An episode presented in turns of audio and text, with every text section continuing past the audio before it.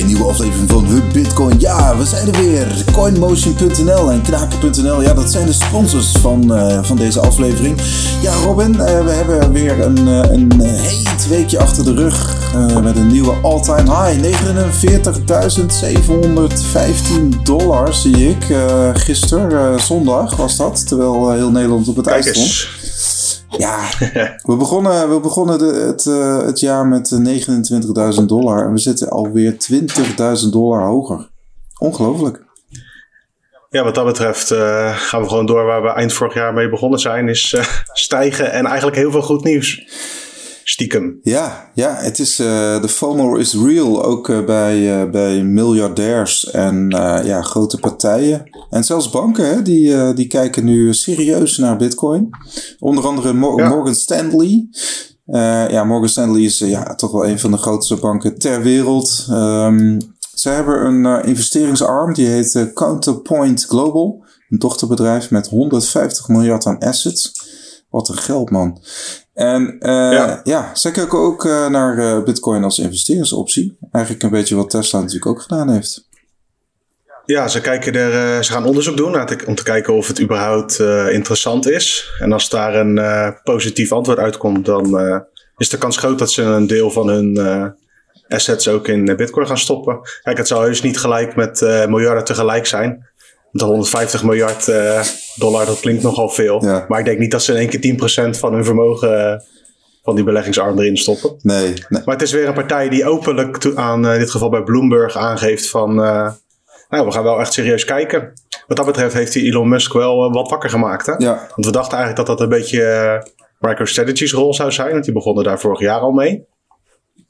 En stiekem heeft Tesla dat een beetje versneld allemaal. Want iedereen kijkt naar Tesla.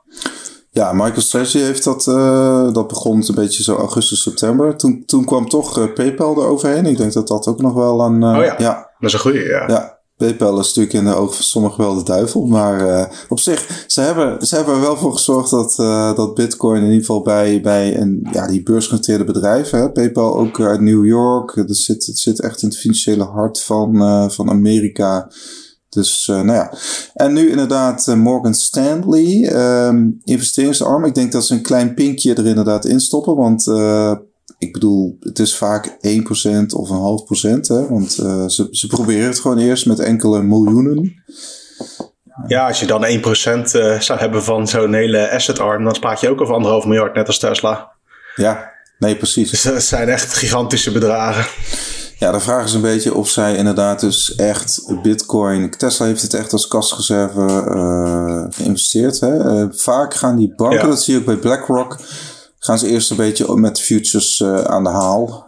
futures kopen. Oh ja. En dus... Ja, ze gaan ze meer gewoon posities innemen die ze kennen. Niet misschien direct uh, Bitcoin op de ledger gooien. Nee, precies. Nee, ze zullen in eerste instantie denk ik gewoon dollars willen verdienen met, met futures. Want veel van die futures ja, die worden altijd nog uitgekeerd in dollars. Dus dat is toch, toch weer een ander spel. Dat is altijd wel een soort nuancering bij dit soort uh, nieuwtjes. Van... Ja, zo een goede, ja. Want de beleggingsarm die zou eerder geneigd zijn om uh, een trade te maken met futures dan een, uh, een Tesla of een MicroStrategy die gewoon erin spaart. Ja, dat, dat denk ik wel, ja. Dat denk ik wel. Ja. En dat geldt eigenlijk ook wel ja, voor, voor Deutsche, Deutsche Bank. deelt, ja, want die, die waren ook bezig, hè? Ja, Rijken. Uh, nou ja, goed te zeggen. De Deutsche Bank is eigenlijk wel een hele, ja, hele grote bank natuurlijk. Maar ook een bank die toch wel behoorlijk in de problemen zit. Maar desalniettemin uh, blijft, het, uh, blijft die gewoon bestaan. Um, en zij zien ook wel uh, wat, wat ontwikkelingen. Ze hebben het over bitcoin-diensten of cryptocurrency-diensten, moet je dan zeggen, hè, om het iets breder te trekken. Um, ja. Dus, uh, en dat. Uh, even kijken, moet ik wel heel even. Nou goed. De, nou, dat is wel ook een, een ding natuurlijk, hè? Van de Deutsche Bank is een relatief ongezonde bank, eh, van wat ik ervan begrijp. Ja. En uh, ja, dit soort partijen kunnen op termijn allemaal bij, bij Visa aankloppen, natuurlijk, bedenk ik me net. Want Visa die komt met een, uh, met een API, met een uh, software applicatie uh, mm. waarop banken eigenlijk direct in kunnen pluggen bij hun netwerk en direct dit soort services aan zouden kunnen gaan bieden. Ja. Dus dan hoeven ze zelf die infrastructuur niet aan te leggen, maar dan kunnen ze good old Visa bellen van joh, we willen aan de slag, kunnen jullie ons helpen? Ja, Ja, inderdaad. De Mastercard gaat ook uh, beginnen. Dus het, het, zeg maar een beetje dat, dat oude, ja, dat oude, die, die financiële namen die, die we allemaal wel kennen. En vooral je, je ouders en je grootouders uh, kennen. Die, uh, die beginnen nu ook aan bitcoin te ruiken. Kijk, van, van een bank kun je zeggen, nou, in eerste instantie eh, de kluisfunctie, dus uh, het als custodian optreden voor, voor institutionele beleggers, hè, zoals vermogensbeheerders, family offices, vermogende uh, individuen, et cetera. Dat is wel ja. een, op zich een functie die ze ligt. Dat is natuurlijk ook wat, wat ING al in 2020 heeft aangekondigd. Ik ben wel benieuwd wat voor markt dit soort partijen dan kunnen pakken, zeg maar. Want ik denk ook wel een beetje dat heel veel mensen liever hun, als ze dan bitcoin ergens anders stallen, het bij een partij doen die ook al in de industrie zit. En, want er is toch een beetje een, uh, een uh, anti-sfeer tegenover banken in het algemeen, zeker grootbanken. Ja.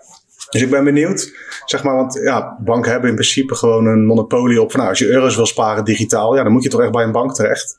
En nu zit dat allemaal toch wat anders in elkaar, want uh, ik ga denk ik niet gebruik maken van dit soort diensten. Al zouden ze het al aanbieden aan mij. Ik ben daar veel te klein voor misschien. En dat geldt denk ik wel voor heel veel partijen. Dat er misschien toch ook niet zoveel animo voor is uiteindelijk in die end. Nou, wat je gaat zien, denk ik, Robin, is dat het, uh, denk ik, dus maar een aanname, maar in ieder geval de komende jaren ga je dus een soort strijd zien tussen uh, echte pure crypto-spelers, bitcoin-spelers, zoals mhm. Binance en, en Coinbase en inderdaad uh, custody, zoals Bit, BitGo en, en, en, en Gemini en zo. Te, tegen, de, tegen de traditionele wereld. En, en, en bijvoorbeeld ja, ook... Ja, je ziet bijvoorbeeld... Ja, ga maar. Nou, bijvoorbeeld ook de Giro en een Bink. Dat is, en ook een Bunk. Uh, daarvan kun je ook wel verwachten dat die op de duur bijvoorbeeld Bitcoin gaan aanbieden. Hè? Dus dat je gewoon bij de Bunk... Dat is toch een soort internetbank. werkt gewoon met een app.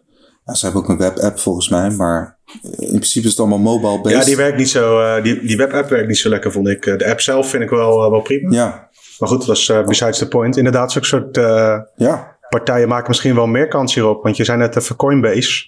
Die is vaak betrokken bij, bij die grote aankoop op dit moment hè, van die Amerikaanse multinationals. En ik kan me voorstellen dat die een stuk beter, ja, hoe noemen we dat zeggen? Actielijstje hebben dan een, een bank die nog moet beginnen daarmee.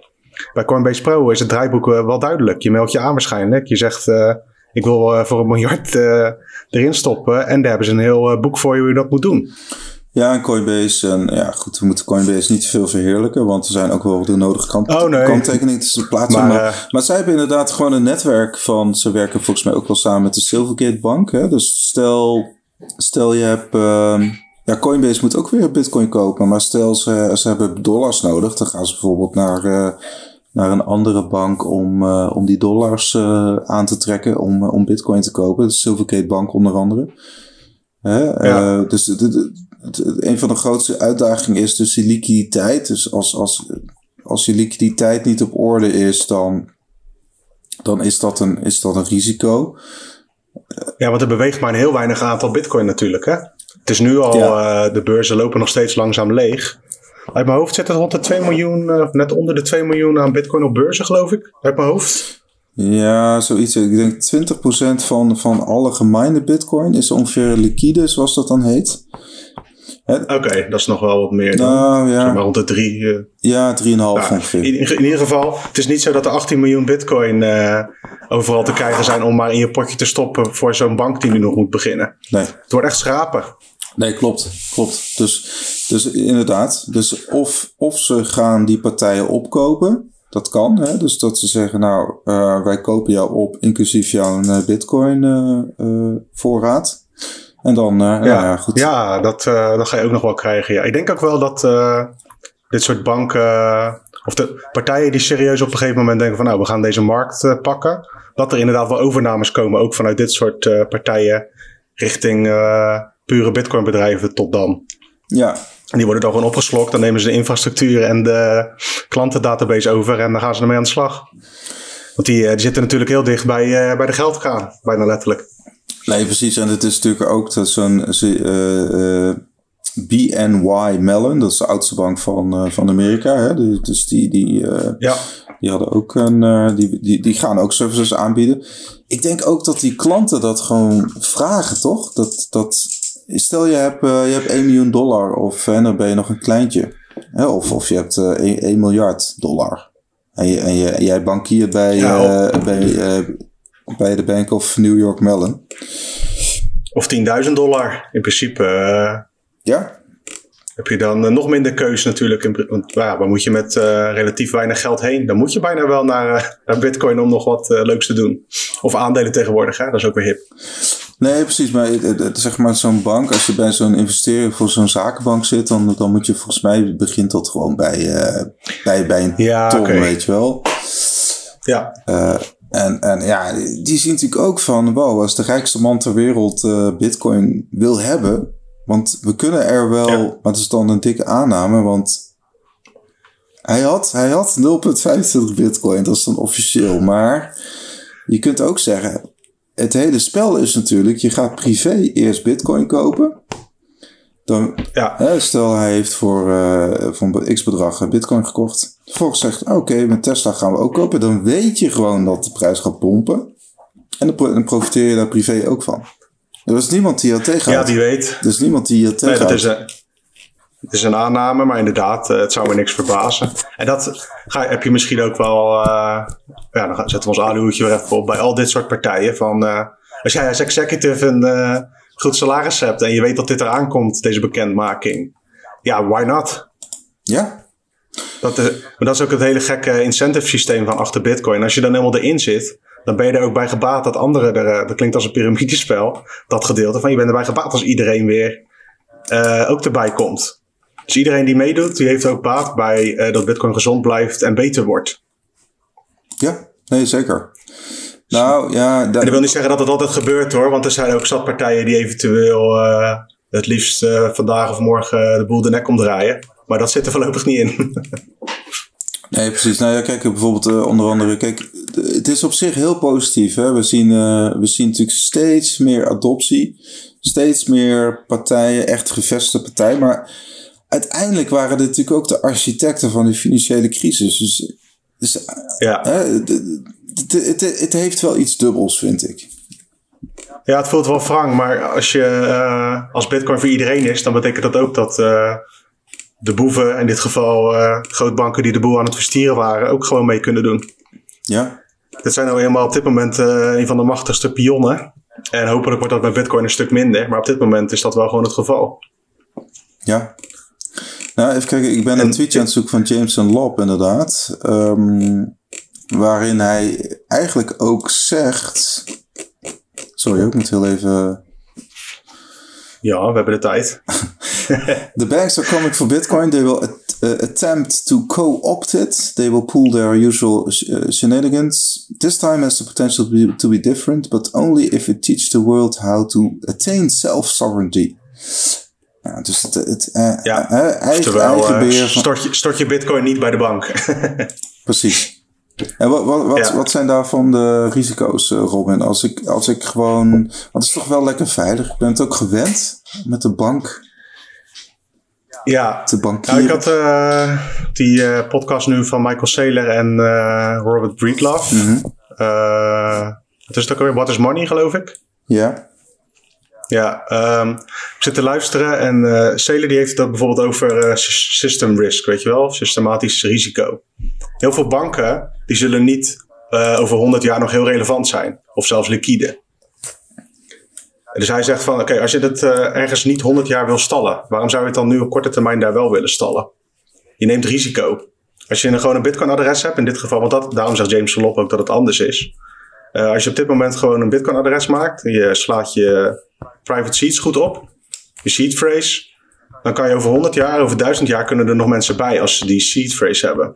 Je hebt het zelf in de hand. Er kan niemand anders kan er wat mee doen. Terwijl als je bij een bank stalt, uh, morgen kan de regering zeggen van uh, je, mag geen bitcoin meer, uh, meer sturen naar, naar Pietje, want dat is verboden. Je, je, loopt het risico dat je het kwijtraakt. En wat er ook nog eens is bij banken, bij de meeste instituten waar je dan bitcoin kunt storten en daar bijvoorbeeld een rentebedrag over krijgt, die gaan die bitcoin ook weer uitlenen. Dus je loopt allerlei risico's. Dat, is een, dat zijn de nadelen eigenlijk van het uit handen geven van je self-custody. Ja, Ja, en dat wil niet zeggen dat je het niet moet doen, maar je moet wel weten wat de afweging is. Van je gaat je geld dus bij, weer bij iemand anders neerzetten in goed vertrouwen. En als jij denkt van nou, dat gaat allemaal prima en uh, er kan mij niks gebeuren bij zo'n uh, onderneming, ja, dan staat je dat vrij om dat te doen. Maar wees je wel bewust wat je opgeeft. Qua rechten en qua. Uh, want het netwerk maakt geen reet uit of je het kwijtraakt door, een, door iemand anders fout of door regeltjes van bovenaf. Ja, het komt wel met een verantwoordelijkheid, Robin. Want het is een je eigen bank spelen. Dat, uh, daar, daar zitten natuurlijk ook risico's aan. Ik sprak uh, deze, Zeker. deze week sprak uh, iemand, oud, oud collega, die inderdaad ook ja, toch een behoorlijk bedrag ging over enkele duizenden euro's. had hij in Bitcoin gestoken. Mm -hmm. Maar op de een of andere manier was er een soort integratie tussen Exodus Software Wallet en zijn Trezor Hardware Wallet. En daar ging iets mis. Waardoor ineens zijn, uh, zijn bitcoin uh, uh, weg was. Of in ieder geval, hij had ook de, de, de seeds van zijn Trezor had hij, um, had hij niet opgeslagen. Ja, dat is natuurlijk ja, een ja. kolossale fout kun je zeggen. Of een basis, ja, het is een basisding om, om in ieder geval je seeds goed op te slaan. En, ja, verantwoordelijkheid voor je geld is ook, ja, hoe moet ik dat zeggen? Uh, zorgt ook verantwoordelijkheid, voor verantwoordelijkheden. Als jij denkt dat je dat niet kunt. Ja, dan, of uh, eventueel de mogelijkheid vrij groot acht dat het op termijn misgaat. Ja, dan zijn er andere opties, zoals een custodial die dat voor je opslaat. Ja, ja ik vond het wel, weet je, als je dan weer zo'n verhaal... Het, het, is wel, het is wel zuur, weet je. Het is wel ook lullig om dan... Zeker. En dan, ja, dan... Jij bent degene... Jij, jij wordt ook opgebeld natuurlijk. Van, kun jij, ja. kun jij er wat aan doen? Nee, ja, het is, even de klantenservice bellen. Het is, het is natuurlijk ja, cryptografie en, en het is gewoon uh, uh, immutable. Dat is de hele basis, hè? Immutable. Dus ja, die, het ja. is gewoon niet meer, uh, niet meer op te... En ik wilde er niet, niet lachig over doen, hoor. Want ik heb zelf ook wel eens gehad dat ik... dat was nog echt lang geleden. Ethereum of Ether had ik toen gekocht. Voor, voor een paar tientjes per stuk of zo was dat. Hmm. Had ik op een USB-stick, dacht ik, alles opgeslagen. Uh, was die uh, USB-stick corrupted geraakt en weet ik wat allemaal. Oh, ja. nou, dat was nu ook wel een aardig bedrag geweest. Ja, precies. Niet dat ik het zo lang had vastgehouden, want ik was al ver, uh, voordat ik het eventueel wilde verkopen, erachter dat ik dat niet zo lang had vastgehouden, omdat ik er niet echt in geloof. Maar bijna iedereen heeft wel zo'n verhaal van, nou, er is wat misgegaan met een verzending of het opslaan met dit. Dat hoort er inderdaad wel bij. Nou, ik, dat kan ja. heel pijnlijk zijn. En je moet er ook van bewust zijn, wat dat kan gebeuren. Als je het niet goed oplet. Nou ja, kijk, je moet ook kijken bijvoorbeeld naar, uh, stel je, je slaat je seed op in een kluis. Nou, die kluis moet je ook weer beveiligen. Hè? Dus daar moet je ook weer aan denken. En daar moet je ook weer... Ja, dan kan je bijvoorbeeld denken aan een multisig uh, oplossing, weet je wel. Dat ja. je zegt van, je hebt één, uh, één key thuis. Je hebt één key in een kluis. En je hebt één key bij een derde partij. Dan kan je met die kluis en met de derde partij er altijd nog uitkomen. Of met jezelf, met een van die andere twee plekken. Ja, dat is... Er zijn allerlei constructies te bedenken waarop je dat soort dingen kunt uh, ondervangen. Maar meer stappen betekent ook dat er meer fout kan gaan. Dus het zijn allemaal afwegingen.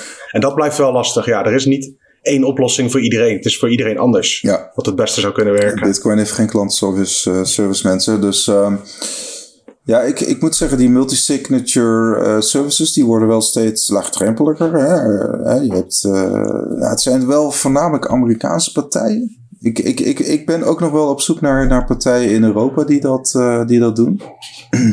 Ja, mocht je een tip hebben, stuur het vooral op. Reageer uh, op de tweet of uh, laat het ons weten via mail. Want Europese oplossingen zijn ook altijd wel goed, ja. Ja, redactie at bitcoinmagazine.nl. Uh, ik denk, ik vermoed dat er in Zwitserland, Luxemburg en misschien in Nederland heb je volgens mij Amdax, die ook gereguleerd is. Maar dat, uh, dat is dan weer uh, vanaf 2,5 bitcoin. Nou, dat, dat is ja, weer... En custodial, hè? Dat is wel gewoon, dat is niet dat je eigen seeds uiteindelijk hebt. Volgens mij wel, ja. Ja, ja wel custodial, ja. ja. Dus dat ja. is weer een andere variant. Je hebt in Amerika bijvoorbeeld ja, je... Casa en Unchained Capital. Zijn wel. Ja. Uh...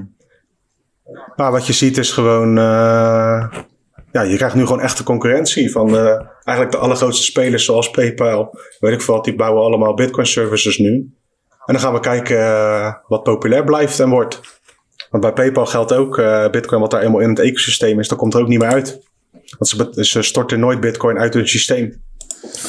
Nee, Nou ja, kijk, uh, ook bij PayPal, we, we, kennen ook verhalen van PayPal waarbij bijvoorbeeld uh, betalingen zijn geblokkeerd of um, ja. weet je wel, dus het, het, het, je, loopt, je loopt bij derde partijen, ja, gek genoeg loop je juist risico. Hè? En, en... Ja, nou vooral ook uh, voor wijzigingen in, misschien valt dat in Nederland op dit moment wel mee hè. Maar je hebt ook landen zoals in Nigeria nu, daar uh, heeft de centrale bank oh ja. banken verboden om bitcoinbeurzen een dienst aan te bieden. Ja. Dus aan Bitcoin-beurzen mogen vanaf van de centrale bank geen, uh, geen rekening meer openen bij de private banken daar. En ja, als dan zo'n uh, zo'n beurs omvalt in zo'n land en je hebt daar uh, bitcoin staan, dan moet je nog maar kijken wanneer je geld terugkrijgt, want je zal helemaal achteraan staan. Nou, Dus je moet bij dit soort dingen ook altijd kijken naar gewoon verder dan alleen ons Nederland, waar het misschien wel aardig geregeld is. Voorlopig. Ja, aardig geregeld. Ik, ik ken ook wel weer verhalen dat uh, bitcoinbedrijven in Nederland uh, of zijn weggevlucht of inderdaad geen bankrekening in eerste instantie kregen. Hè? Dus het is, het is... Ja, maar dat is wat anders dan uh, dat ze nu zeggen van geen enkele beurs in Nederland mag meer een bankrekening krijgen. Nee, oké. Okay. Zo, zo, hard, zo hard is ik bedoel het maar, niet. Nee, nee ik bedoel, bedoel maar, dat, maar dat kan eventueel wel in een gekke situatie gebeuren. En daar moet je rekening mee houden met als je het ergens anders stort. Nou, en dat geldt ook voor je euro's en wat dan ook. Hè? Nou. je hebt het bij, uh, bij Robinhood gezien. Die, uh, die sloot op een gegeven moment gewoon de verkoop of de koop van een paar aandelen af. Ja.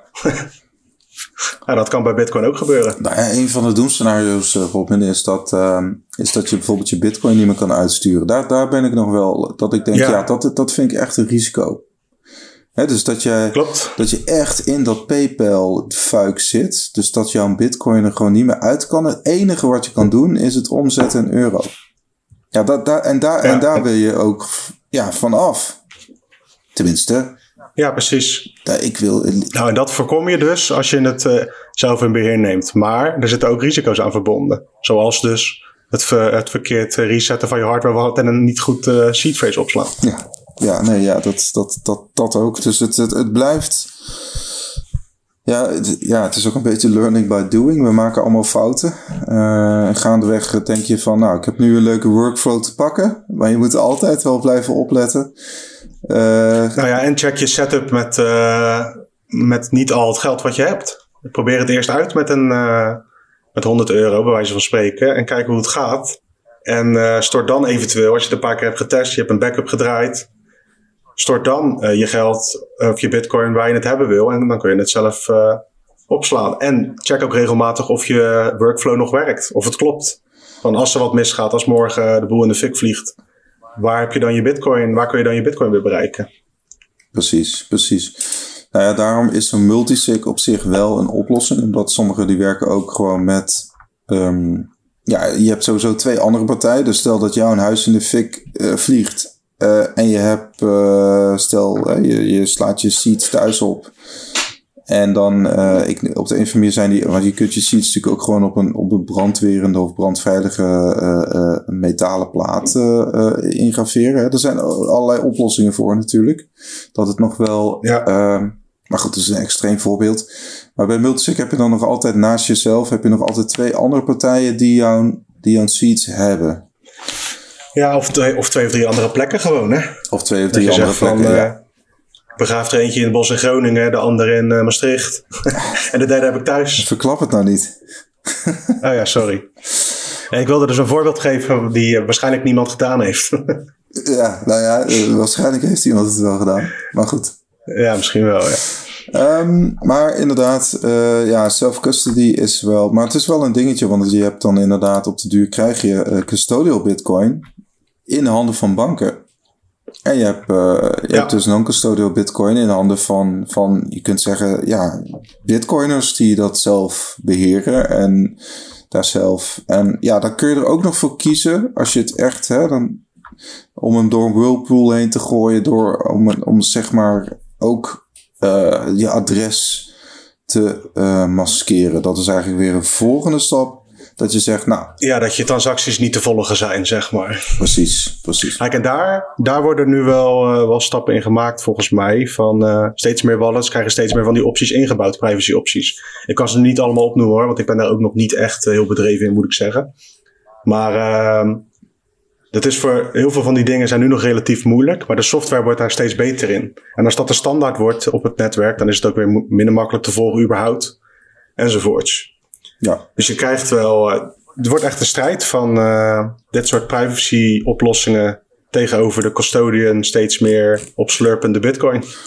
Ja. En dat krijgt nog wel een staartje, ja. Nou, het krijgt zeker een staartje, Robin. Want um, ik, ik ben even aan het improven, maar we hebben ook die leidraad die ik uh, had gedeeld van de DNB. Oh ja. Dat mm -hmm. is dan een nieuwe leidraad die ze hebben gepubliceerd van de WWFT en de sanctiewet. Nou, dat heeft ook betrekking op, uh, uiteraard op de crypto, of op de bitcoin en crypto uh, sector.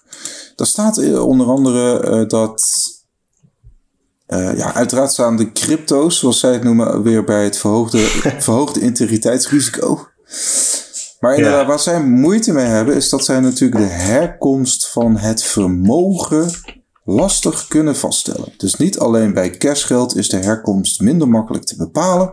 Ook bij nieuwe betaalmethoden zoals crypto's is de herkomst van het vermogen lastig vast te stellen. Dus de toezichthouders, ja, die hebben moeite met moeite met ja, financiële privacy. Daar komt het eigenlijk op neer.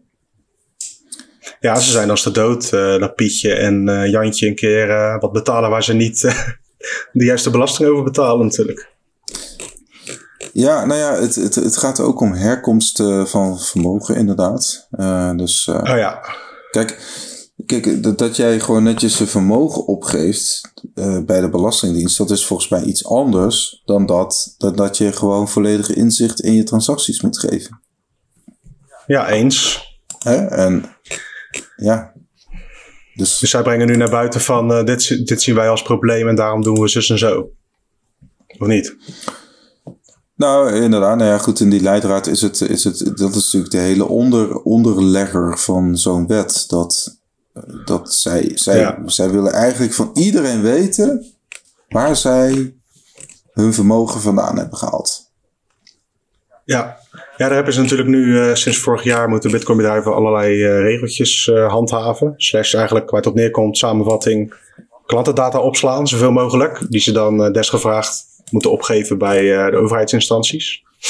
En daar is nog steeds een beetje onduidelijkheid over. Daar haak ik er gelijk even op in. Ja. Het, we hadden een artikel op de site met als bron de Telegraaf.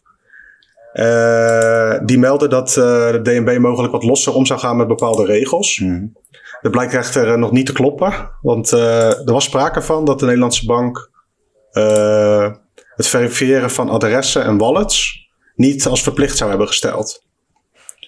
Komt eigenlijk in een oude sanctiewet of zo, 1970 of iets. Ja. Daar moeten bedrijven aan voldoen. En dat houdt in dat ze dus moeten bevestigen uh, van wie dat adres is, in dit geval in de praktijk. En het, er was sprake van dat die regel, uh, moet ik het goed zeggen, de DNB zegt niet expliciet dat je dat zo moet doen. Dus dat je een screenshotje moet sturen van je walletadres of van je bitcoinadres. Mm. Maar dat is de enige implementatie waar ze tot nu toe mee uh, akkoord zijn gegaan. Uh, Patrick van der Meijden, de voorzitter van de Verenigde Bitcoinbedrijven in Nederland, de VBNL. Mm -hmm. Uh, die geeft ook aan dat het ja, voorlopig gewoon zo moet blijven. Totdat de rechter, want er is een rechtszaak vanuit Betonic, geloof ik. Klopt. Tot de rechter een uitspraak erover doet. Dus aan de ene kant communiceert de Nederlandse bank van: joh, hè, het is niet verplicht zoals jullie, het nu, hoe jullie het nu doen. maar Patrick geeft ook aan van andere suggesties die bedrijven doen, die worden nu heel afgewezen. Dus in de praktijk stelt de Nederlandse bank het wel verplicht om je walletadres elke keer te verifiëren. En dat is echt gewoon administratieve romslomp voor die bedrijven. En voor eindgebruiker, bijvoorbeeld voor onszelf, is het een kwestie van je moet elke keer een screenshot opsturen als je een nieuw adres gebruikt. Ja. En de vraag is dus, wat voor nut heeft dat hele systeem? Want je kunt onbeperkt walletadressen aanmaken. Als je het helemaal gekocht hebt, kun je het ook overal weer naartoe sturen. Dus wat lost het op? Nou ja, precies. Dus dat, uh, dat, dat, dat, is, nou ja, goed. Dat en dat terwijl Nederland, en dat haken we even daarop in, heeft de meeste mm. nodes uh, per burger. Oh ja, was wel een leuk nieuwtje. Ja. ja. ja. Dus, uh, dus aan de ene kant zie je een hele strenge hand qua regulatie en handhaving. En aan de andere kant zie je dat uh, particuliere bitcoiners echt uh, in overtal zijn in Nederland. Heel gecentreerd. Ja, we hebben bijna 400 nodes. Dus dat zijn bitcoin en lightning nodes. op een bevolking van 17,16 miljoen. Volgens mij is het wel iets hoger inmiddels. Maar goed, maakt niet uit.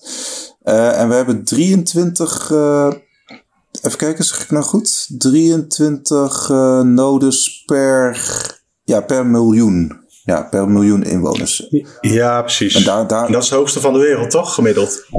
Ja, we zitten, want Duitsland heeft, er, heeft dan weliswaar 1761 eh, nodes, maar dat zijn er dan ongeveer 21 nodes per miljoen uh, Duitsers.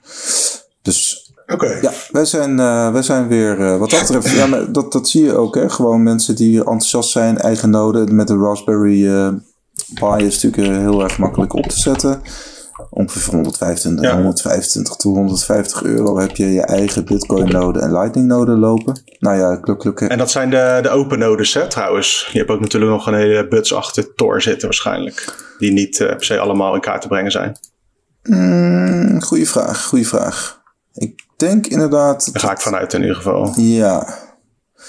Inderdaad, nou ja, goed. Ja, je ziet ook wel, uh, ja, Nederland is gewoon, dat merken we ook op de website en gewoon eigenlijk globaal waar je kijkt. Uh, of het nou andere podcasts zijn of weet ik veel wat. Die hebben allemaal. Uh, de interesse groeit in Nederland weer. Ja. Dus ik heb even Google Trends er ook bijgepakt. Nederland staat wereldwijd nu op plekje 7 qua zoekwoord Bitcoin. En uh, ja, dat doet gewoon aan dat je wereldwijd daarin goed vertegenwoordigd bent. Mensen hebben interesse erin. Ja, er is, zit hier natuurlijk, ondanks dat het allemaal uh, best wel kloot is de afgelopen bijna jaar, zit hier wel gewoon veel geld. Ja, dat. In Nederland. Nou ja, en altijd ook wel, denk ik, toch wel een soort voor, voor uh, liefde voor uh, innovatie. Of in ieder geval een stukje technologie. Hè? Want het, dit is gewoon nieuwe, nieuwe, nieuwe geldtechnologie, kun je zeggen. Ja, dat zijn, we, ja. dat zijn we ook wel. En we hebben natuurlijk ook een centje verdienen. En we zijn goed in ha handel. Dus dat, dat sluit allemaal wel bij elkaar aan. Uh, bij, deze, bij deze industrie. En um, alleen ja, je ziet toch dat de overheid dan de botte bel hanteert. En wat, wat gewoon dus helemaal niet aanslaat bij, bij het verhaal wat ze altijd zeggen. Namelijk dat ze voor innovatie zijn. En dan gaan ze een miljardenfonds oprichten onder het mom van innovatiefonds. En tegelijkertijd gaan ze uh, andere sectoren de, de, de, nek omdraaien. Dus het is innovatie, maar wel de innovatie die zij dan zelf uh, het liefste willen zien. En, uh, ja, ja kijk, je, ik denk niet dat je op dit soort kleine statistiekjes beleid moet bepalen of zo. Maar je proeft hier wel uit van Nederland wil wel. ja, Nederland zou best wel een, als bevolking een voortrekkersrol kunnen spelen op het gebied van Bitcoin. Maar dat wordt qua regeltjes nu een stuk moeilijker, omdat het niet zo aantrekkelijk is om hier te gaan zitten. Je kan beter ergens over de grens kijken uh, waar het beter geregeld is of makkelijker.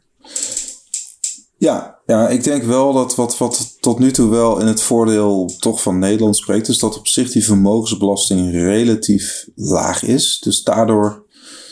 Hè, en ze hebben nu onlangs ook dat plafond van. Uh, stel je hebt uh, één of twee bitcoin. Kijk, naarmate de plafond hebben ze laatst opgehoogd volgens mij van 36.000 naar 70.000 of zo per persoon. Ja, bij box 3 of zo, ja. Ja, dus dat, dat, ja, in die zin kun je weer zeggen, nou goed, dat, dat komt de gemiddelde bitcoin er wel weer goed uit. Ja, misschien wel inderdaad, ja. Ik denk niet dat dat uh, het idee erachter was. Nee, ik denk niet dat dat, dat specifiek voor, uh, voor bitcoiners was. Maar goed, uh, ja, we zien, we zien heel veel adoptie en dat uh, de um, overheden kunnen dat niet, niet altijd even. Dat zien we natuurlijk ook met die Bitcoin-ETF. De markt wil al jarenlang die Bitcoin-ETF. Nu hebben we in Canada hebben een, uh, een Bitcoin-ETF. Uh, die is nu ook helemaal goedgekeurd. Dus dat, dat gaat nu blazen, zeg maar. Nou, nu is de vraag of de SEC in Amerika dat ook gaat, gaat goedkeuren. En ja, dan, dan verwacht ik dat er weer een nieuwe uptick komt. En voor hetzelfde geld. Ja, ik, ja, goed. Ik durf daar echt wel mijn handen voor in het vuur te steken. Er, komen gewoon na Tesla ook gewoon bedrijven die Bitcoin op de balans gaan zetten. Het zal misschien niet zo'n klap veroorzaken uh, zoals Tesla, maar. nee, dit is ook, uh, die hebben, ze hebben niet allemaal een uh, meme lord als CEO natuurlijk. nee. Uh, nee, maar dat, dat zie, ik wel, zie ik wel gebeuren. Ja, bedrijven als Twitter hebben ook wel gezegd van, nou, we gaan er wel uh, serieus naar kijken. De financieel directeur, geloof ik. Mm -hmm. Ja, klopt. En uh, een partij als Uber, die heeft ook gezegd van, nou, als er vraag naar is, dan willen we wel kijken naar Bitcoin betalingen accepteren. Maar ze gaven er wel ook direct bij aan, we gaan niet gokken met onze dollars. Dus we gaan niet een spaarpotje in bitcoin stoppen. Dat zeggen ze in ieder geval voorlopig. Oh ja. Maar er wordt wel, uh, ook in, op dat uh, gebied, wordt er wel over gepraat. Dus dat, ja, dat balletje begint steeds harder te rollen, lijkt het wel. Ja, precies. Ik, en, en nou ja, wat ik, ik had zeg maar voor de, voor de. Ik had ook een aantal SP 500 uh, bedrijven op een rijtje gezet. Qua oh ja. cashpositie. Bijvoorbeeld ja, kijk, de top 10 bijvoorbeeld Apple, Microsoft, Amazon, Facebook en Alphabet, het moederbedrijf van, van, van Google. Ja, die hebben allemaal, uh, Apple heeft 91 miljard uh, in cash. Hè? En dat, dat, dan, heeft dan, dan heb je ook nog allerlei andere varianten qua activa die ze op de balans hebben. Maar als je puur kijkt naar cash in dollars, is Apple 90,9 miljard, Microsoft 136,5 miljard, Amazon 84,3 miljard, Facebook 75,6 miljard en Alphabet zelfs 174,2 miljard. Nou, het zijn ook die techbedrijven die, uh, die, ja, die, ja, goed, zijn wel denk ik iets conservatiever dan Tesla. Maar. Ja, dat denk ik ook. Maar aan de andere kant, uh, veel van die bedrijven die. Uh ik denk ook niet dat zij per se blij zijn dat ze altijd afhankelijk zijn van een bank of zo. Als je een use case bekijkt van, van zo'n Facebook, die uh, wel al, uh, al dan niet terecht veel relatief last hebben van uh, regulators of zoiets, die dan weer dat Mark Zuckerberg zichzelf weer moet verdedigen. Ehm, er is altijd een dreiging van uh, even niet meer bij je bankrekening kunnen of zo. Dat heb je met Bitcoin niet. Zo vaak zal het niet lopen hoor bij die hele grote, want die zijn misschien wel machtiger dan de Amerikaanse politiek zelf. Hmm. Maar uh, ja, ik, ik heb bij dit soort bedrijven ook van uh, hoe moeten die nog aan hun Bitcoin komen, zeg maar. Want ze kunnen wel bijvoorbeeld betaalopties doen en dat dan langzaam aan accepteren. Maar er zijn ook niet zoveel mensen die zomaar Bitcoin uit gaan geven. Nee, dat Dus ze moeten wel kopen. Ja, ze... Bijna. Ze moeten wel de markt op, zeg maar, bij een Coinbase Pro aan, of bij zo'n uh, ja, eens. whatever, Deutsche Bank op termijn, uh, moeten ze een, uh, een dealtje maken. Ze kunnen niet meer de kapitalen die zij willen verdienen of meepakken van de markt, kunnen zij niet meer zomaar ophalen via klanten of zo. Ja, want zou jij, stel jij ziet, ik noem maar wat, je, ziet die, je ziet die switch en je wil die switch kopen, dan ga je dat niet in bitcoin mm. doen.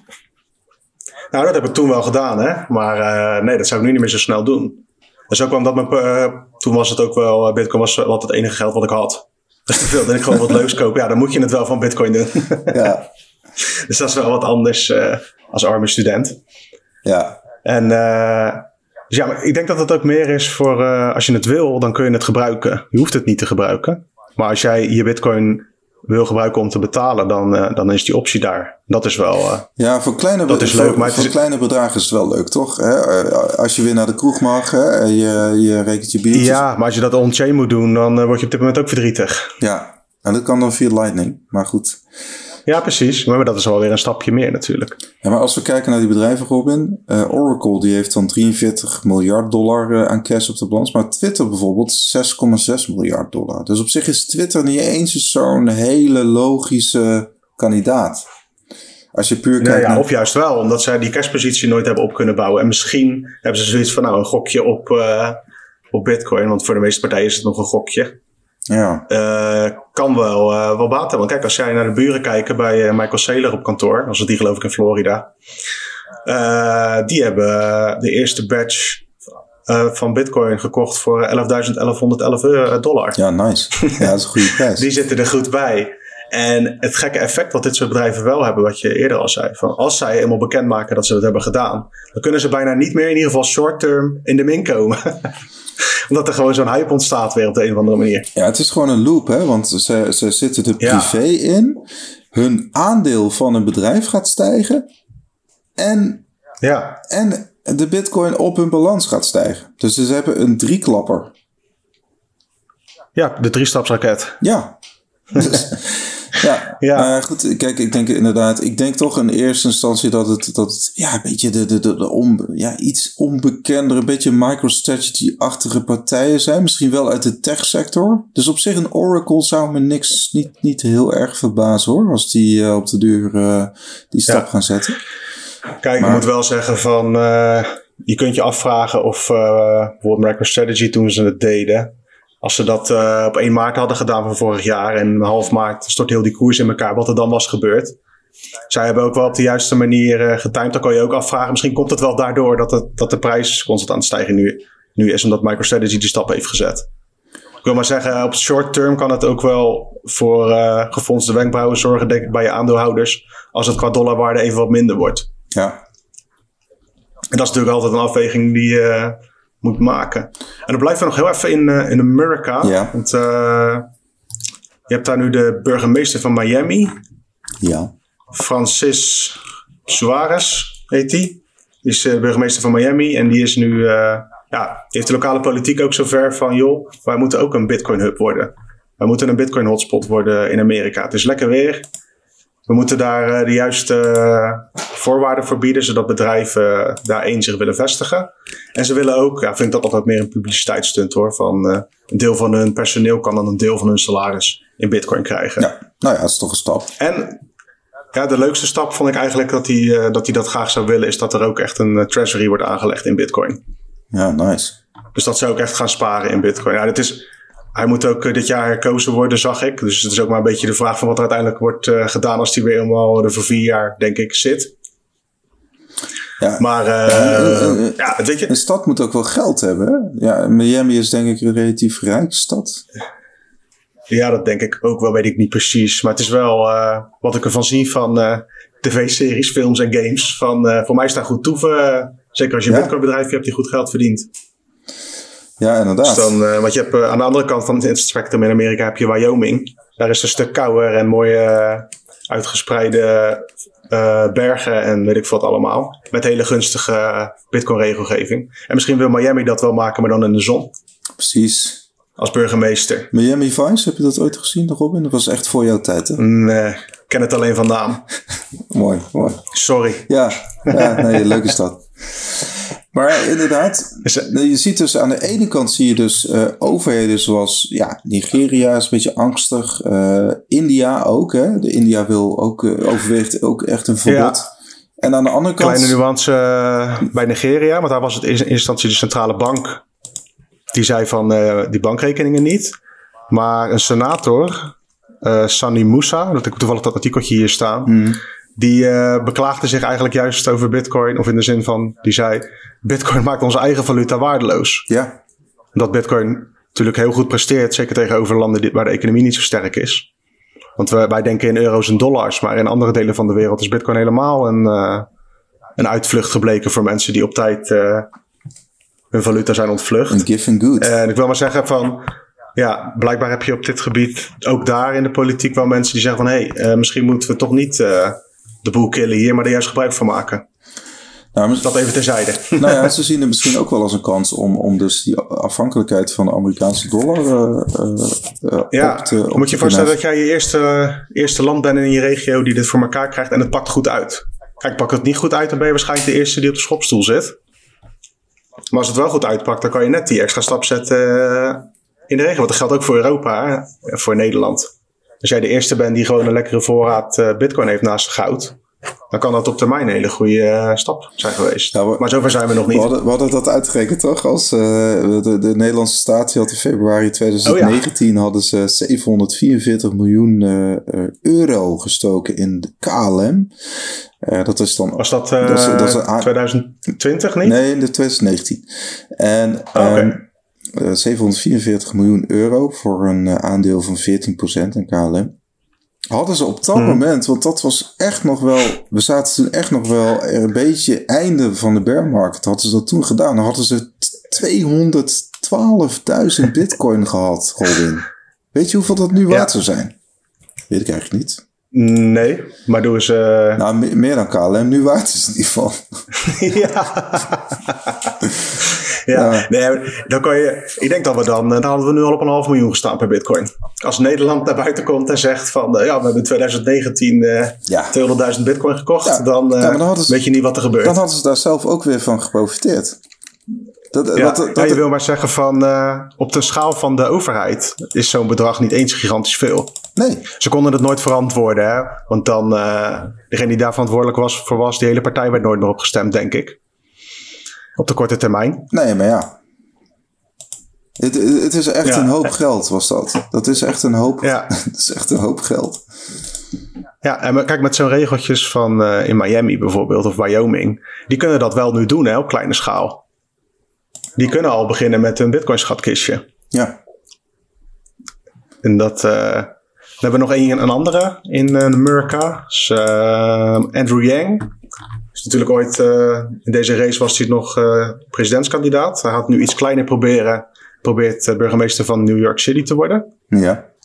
Van New York. En ja, die, die voert eigenlijk ook campagne met. we willen van New York een Bitcoin hub maken.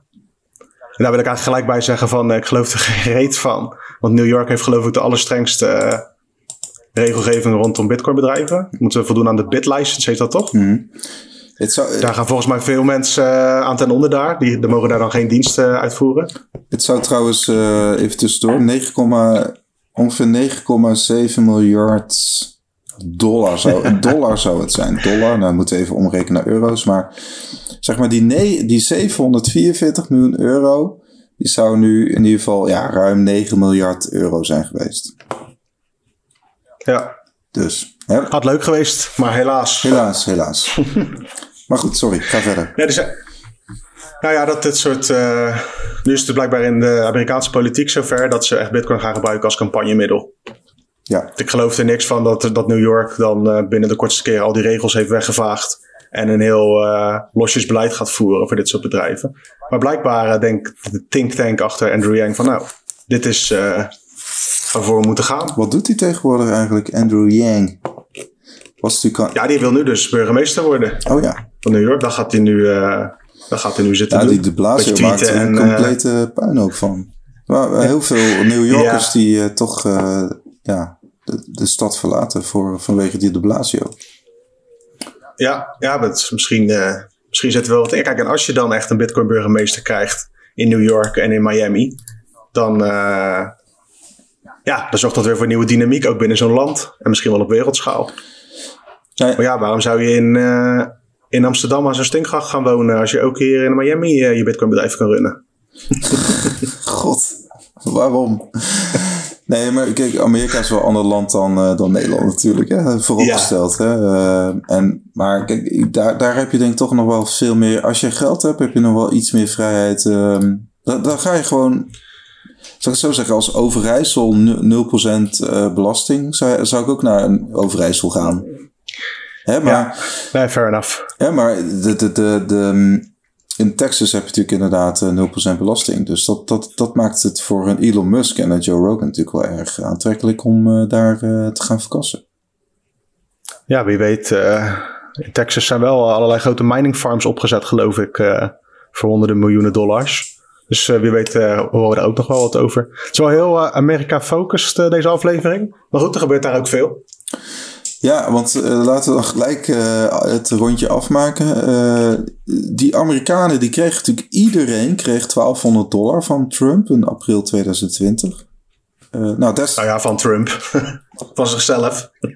ja, niet van zichzelf, inderdaad. Nou ja, goed. En ja. die... Um, dat heeft een rendement gehaald van 640 uh, procent. Dus, dus zes, ruim zes keer over de kop gegaan, dat geld. Dat is nu hoeveel? Ja, als jij uh, in april 2020, toen je die check kreeg van 1200 dollar, als je toen Bitcoin had gekocht, dan was het nu ongeveer uh, ruim 600 procent. Ja, ligt me net aan wanneer je luistert, ruim 600 procent meer waard geweest. Ja, dan was dat... Ja, dat ja, is een beetje cherrypicking wel. Hè? Van, ja, je pakt precies een datum waarop de koers relatief laag stond. En nu staat hij natuurlijk sky high. Maar het is wel een leuke statistiek.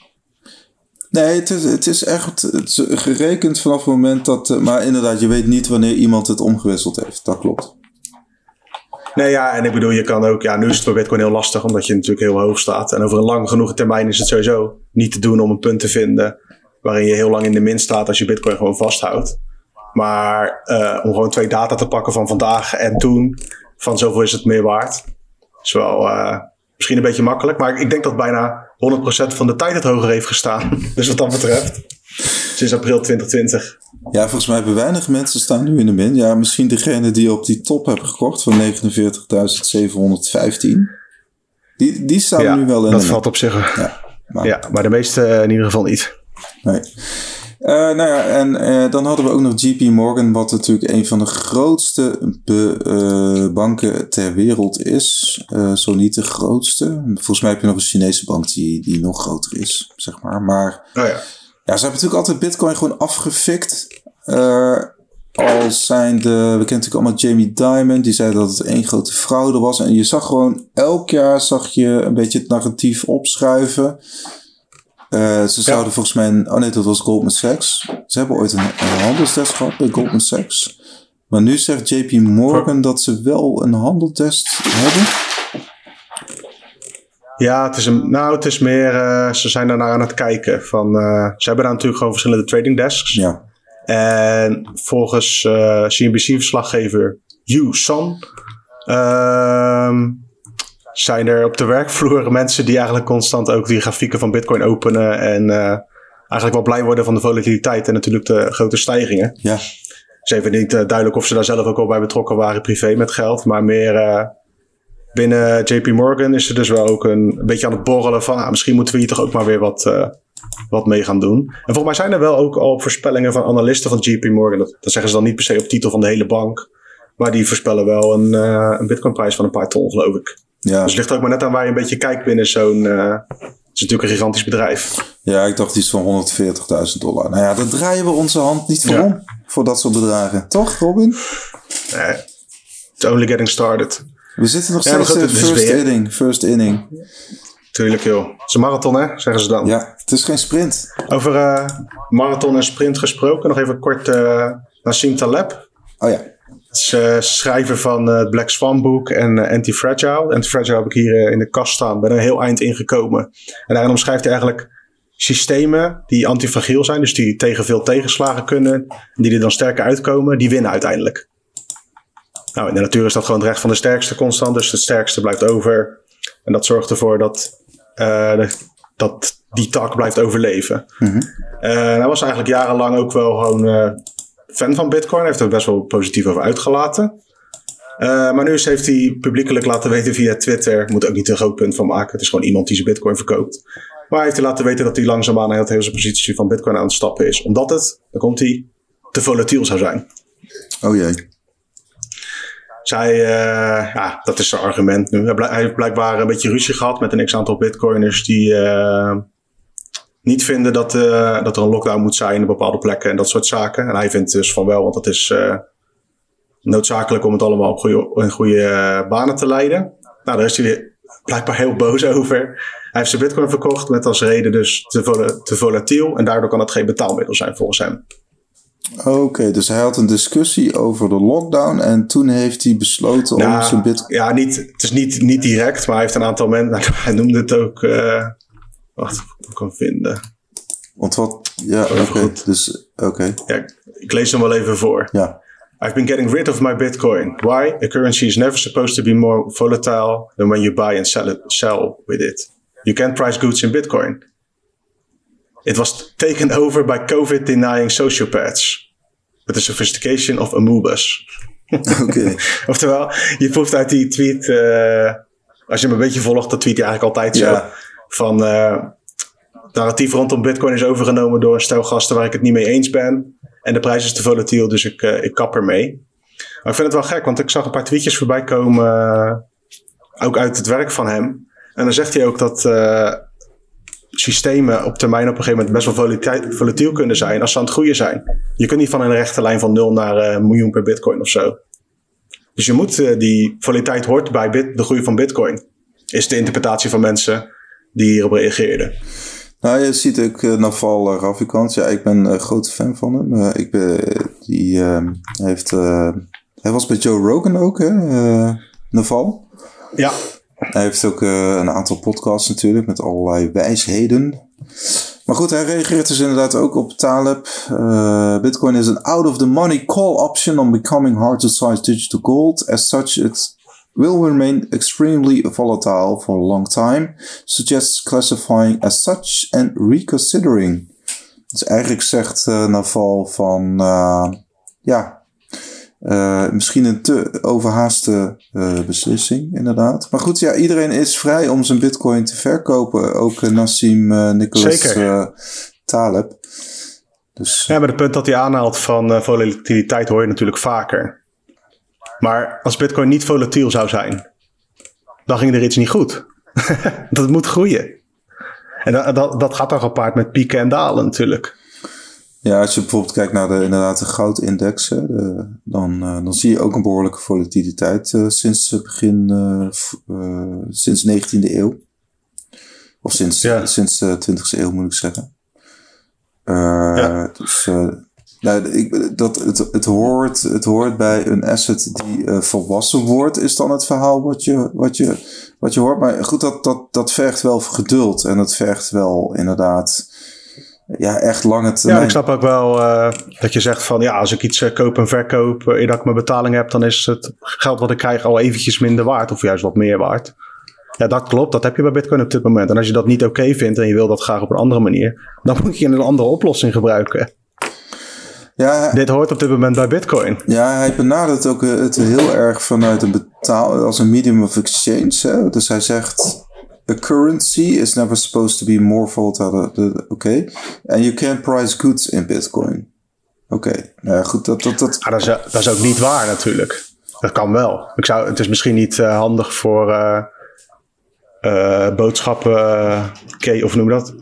Grote supermarkten om alles in sats te moeten prijzen. Maar jij en ik kunnen toch tegen elkaar zeggen van... hé, hey, als ik voor jou dit werk doe, krijg ik dan van jou zoveel bitcoin. Dus het kan, het kan wel. Alleen op dit moment is dat niet haalbaar voor op hele grote schaal. Omdat het nog te volatiel is.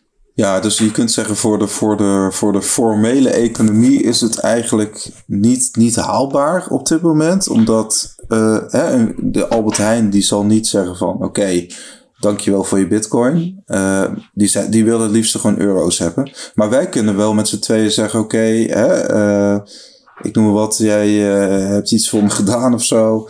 En ik, en ik, ik stuur jou satoshis daarvoor. En ja. dat kan. Ah, sterker nog, wij hebben toch ook wel eens factuurtjes betaald en ontvangen met bitcoin als currency.